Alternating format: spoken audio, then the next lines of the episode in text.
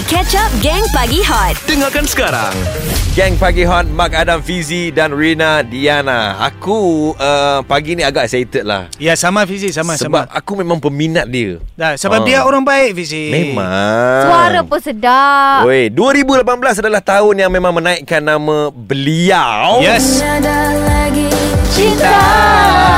tinggal aku sendiri. Lepas tu pula dia keluar lagu ni weh Far Ya. Ya, Ui. pagi ni kita bersama dengan Sarah Suhairi Selamat pagi Kenapa putus-putus Sarah oi? Ha. Gelak dulu tau. Dia Yes. memang macam tu dia selalu gembira ke. Betul Sarah sihat ke? Sihat, Alhamdulillah. Dia pagi Fahad semua sihat ke? Eh, mestilah sihat. Sihat. Gila tengah sembang dengan Sarah Aku mesti kena sihat PKP ni buat apa je Sarah? Apa aktiviti? ha. Hmm. PKP ni aktiviti saya menjadi uh, cikgu sepenuh masa sebab adik saya PDPR di rumah. Oh, Oh, Jadi semua mata pelajaran awak cover lah Ah betul. Adik umur berapa? uh, saya ada dua orang adik tapi seorang tu dia boleh study sendiri. Cuma yang kecil darjah lima tu kita kena uh, monitor lah. hmm. Ya betul lah tu. Bagus kakak Sarah ni Ya, kalau aku lantak bila kau kodek, kau nak belajar ke apa? Ha, aku pun kuasa. Okey Sarah katanya uh, tampil dengan lagu baru Yang bertajuk Andaikan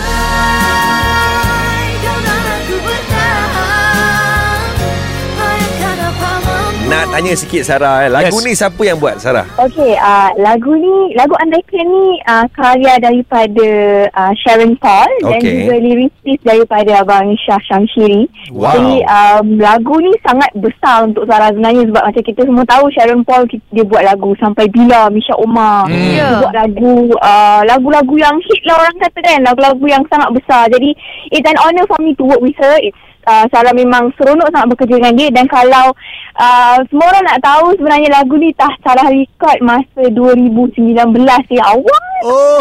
Oi. Oh. Kenapa lama sangat lagu ni baru rilis? Betul. Oh, okey. Uh, sejujurnya, kita orang tak ada dalam plan pun nak release tahun ni. Kita kalau ikutkan nak simpan nak buat album. Ha. Amboi. Tapi, ah disebabkan uh, PKP, uh, memandangkan kita memang dah ada material tu. Jadi, uh, lagu ni juga memang Sarah rasa macam mungkin dah sampai masa untuk saya kongsi dengan peminat-peminat saya. Ni kami nak tanyalah Lagu Andaikan ni cerita pasal apa? Hot FM. Lebih hangat daripada biasa. Kita, kita ada seorang lagi yang menemani kita hari ni, geng. Yes, kita bersama dengan Sarah Suhairi Yang datang dengan lagu barunya Andaikan Okey Ya. Ni nak cerita pasal apa ni Andaikan ni? Okey, uh, kalau dengar lagu ni, of course kita dengar macam sedih kan. Lagu Hmm. dia bunyi sedih je. Ya. Jadi, uh, lagu ni menceritakan tentang uh, satu pasangan ni. Right. Yang uh, kalau kita ikut tajuk dia andaikan. Dia macam andai andaikan kita bersama sebelum ni yang mesti kita dah happy. Oh, amboi. Tetapi uh, perkara yang berlaku adalah sebaliknya. Jadi mereka tak bersama dan um, tak lama lepas tu salah seorang pasangan tu uh, meninggal dunia. Alah Aduh. Sedih Ini kisah benar ke macam mana ni? Eh, tak, tak, tak, tak. Ah, Bukan kisah saya lah. Tapi mungkin ada kisah uh, ini related dengan orang lain. Jadi semoga orang yang mendengar lagu ini dapat mengubati kesedihan mereka insyaAllah. Okey, cerita tentang uh, mengubati kesedihan kan Sarah Hmm. kan. Di generasi Sarah sekarang ramai uh, artis-artis yang sudah uh, mencari jodoh. Sudah pun ada jodoh macam Hakim Rusli dan nak kahwin. Hmm. Naim Daniel punya nak cari dia punya Puya uh, jodoh. Aha. So Sarah, Oh. Sarah ada tak seorang kawan yang Sarah memang rapat dengan dia? Uh, seorang tak ada kawan dapat ramai. Tapi untuk mencari jodoh tu mungkin belum lagi lah. Kita, saya tak mencari buat uh, setakat ni. Tapi mungkin kalau mana yang datang, uh, mana tahu itu yang melekat. ha, So takkan tak ada buah hati kot setakat ni Ada baharan kot? Sab- Ah, Rina? Ah, bukan. Mana tahu cerita ni Tak Rina? tahu, tak tahu. Tapi kejap lagi kita nak korek lagi rahsia dia. Ah, yelah sebab kalau kita lihat sebelum ni Sarah Suhairi Hmm. begitu selesa dengan Arif Baran. Ah, Ya. nampak kan? Selalu Ah. berduet. Yes. Arif Baran pun bila nampak Sarah Suhairi senyum je memanjang. Ya. Gelak pecah habis.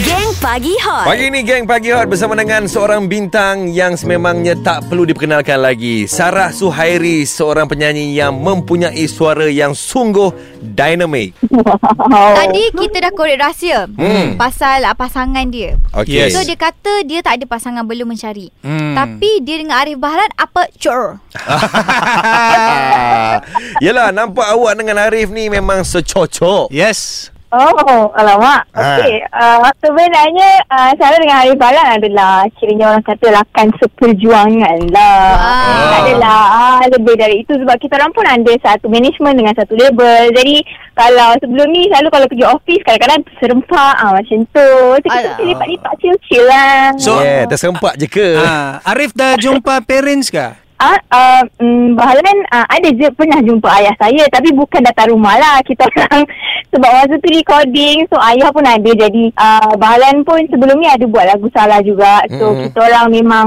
kiranya uh, sama-sama membantulah dalam industri Hmm. macam tu. Korang- Ah, kalau sebut jumpa dengan ayah dia, aku pun pernah jumpa dengan ayah Sarah Suhairi. Itu itu je yang saya tanya itu je.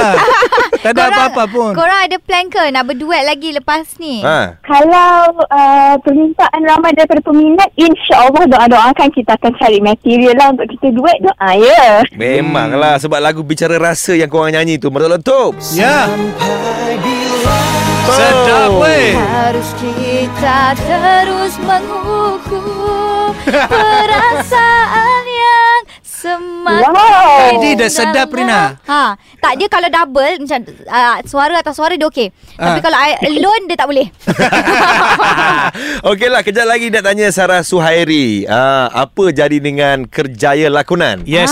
Ah, sebelum ni berlakon kan? Wow. Tapi Hmm. macam senyap je. Eh, terus dengar Hot FM. Hot FM Lebih hangat daripada biasa. Apa khabar kawan-kawan di Kuantan 92.4 FM Pagi ni kita bersama dengan Sarah Suhairi Yang datang dengan lagu baru yang bertajuk Andaikan Katanya lagu ini cerita pasal uh, Bila kita dah hi- kehilangan seseorang yang Kita tak sempat luahkan perasaan Betul tak? Yes, betul. Betul betul. Oh, okey Sarah, nak tanyalah Sarah sebelum ni berlakon kan. Hmm. Tapi apa dah jadi Ah. dengan kerjaya lakonan awak ni? Sarah macam diam je. okay. Alright. Uh, se- sebenarnya memang uh, Sarah punya line adalah menyanyi at the first place. Jadi Alright. kalau ada peluang untuk berlakon-berlakon ni kita tengok juga. Uh, Ha. Kalau macam telemovie ke, kalau episod yang macam uh, boleh salah komit ke sebab kadang-kadang kalau kita nak terlibat dengan drama kan kadang-kadang sampai 2 bulan lebih Betul. syuting.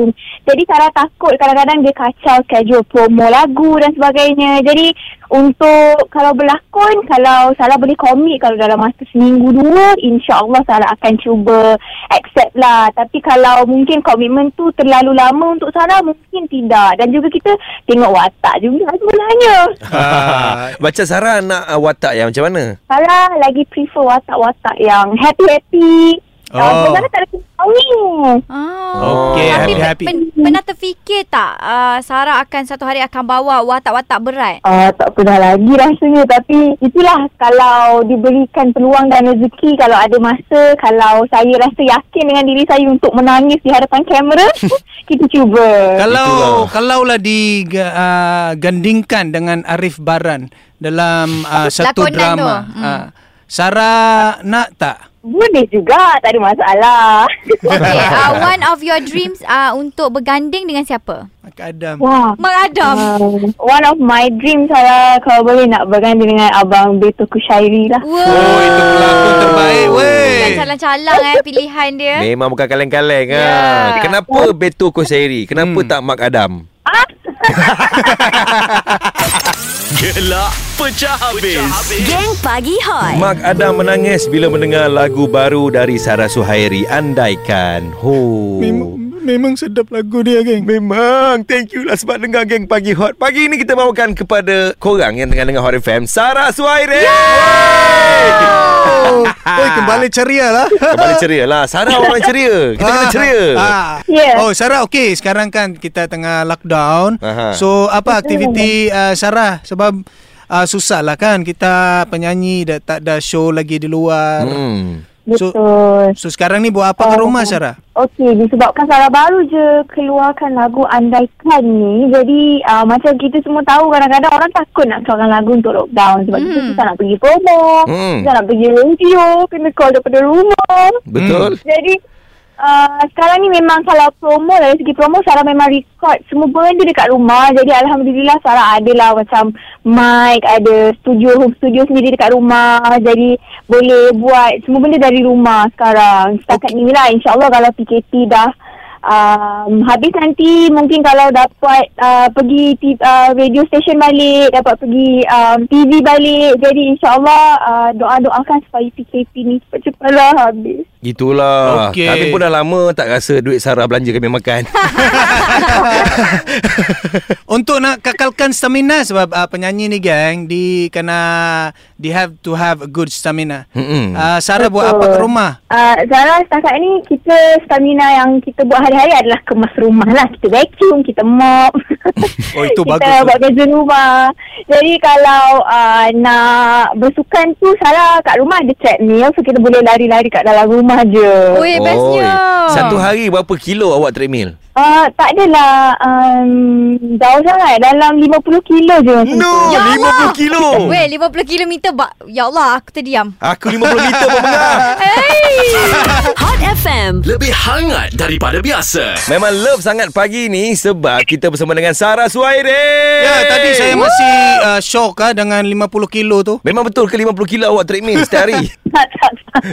tak sampai lah kita mana yang mampu je tak Ah, jauh pun Itulah cakap Awak 50 kilo treadmill Abang jalan 50 meter dah mengah Okey Sarah Aina Abdul Betul. Dah memecah market kita Dekat Korea sana tu ah, So bila lagi Sarah Suhairi Nak pecah market kat Korea ni? Wow, itu uh, bukanlah perkara yang mudah untuk kita capai. Tapi I'm so happy for Kak Aina sebab Mhm. dia dapat um, ke pasaran Korea. InsyaAllah doa-doakan Sarah memang uh, berhasrat tinggi untuk uh, follow jejak langkah Kak Aina. Jadi InsyaAllah Mana dah tahu lepas ni kita boleh keluarkan lagu Korea tu kan Yes, Wah. betul. Betul. Ada tu, ada tu.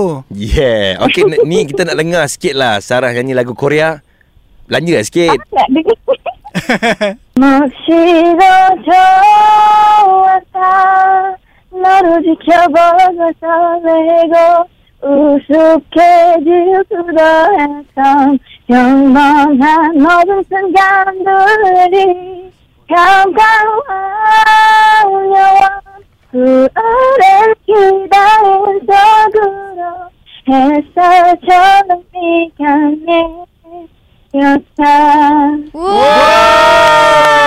Eh, Aina Ab- eh Aina Abdul pula. Sarah Suhairi dia pernah menyanyi dekat tengah-tengah dekat Korea tau. Saya tak ingat lah Tapi dekat Busan lah Ah, Ah. kau Wow. tengok Sarah Suhairi baskin dekat Korea. Kau Wow. jalan alu pun belum tentu. Belum. belum. Gelak pecah habis. Geng Pagi Hot. Geng Pagi Hot dan juga Sarah Suhairi. Tadi Sarah dah belanja lagu Korea. Wah. Yes. Sarah, terima kasih banyak ah bersama kami ah, di pagi ni. Hmm. Memang seronok lah Sama-sama. bila kita bersama dengan seorang ah, yang sangat berbakat dan Betul. seorang sopan, geng. Hmm. Baik dia, dia layan je kita kita suruh dia nyanyi lagu Korea dia jawab. Kita tanya pasal uh, pasangan dia pun dia macam cool je. Ah, ini adalah contoh artis yang baik. Betul. Yes, betul. macam kau Rina Orang tanya pasal percintaan Kau asyik mengelak Eh mana ada? Aku tak bersalah. Okey Sarah uh, Ada kata-kata ke Untuk uh, peminat-peminat Sarah Suhairi Yang sedang layan Hot. FM Mm-mm. Okey, uh, saya nak ucapkan ribuan terima kasih kepada semua pendengar Hot FM dan juga Sarah punya peminat-peminat di luar sana. Uh, Sarah harap dengan karya terbaru Andaikan ni dapat uh, mengobati uh, rindu korang dengan Sarah. InsyaAllah akan ada lagi karya-karya akan datang.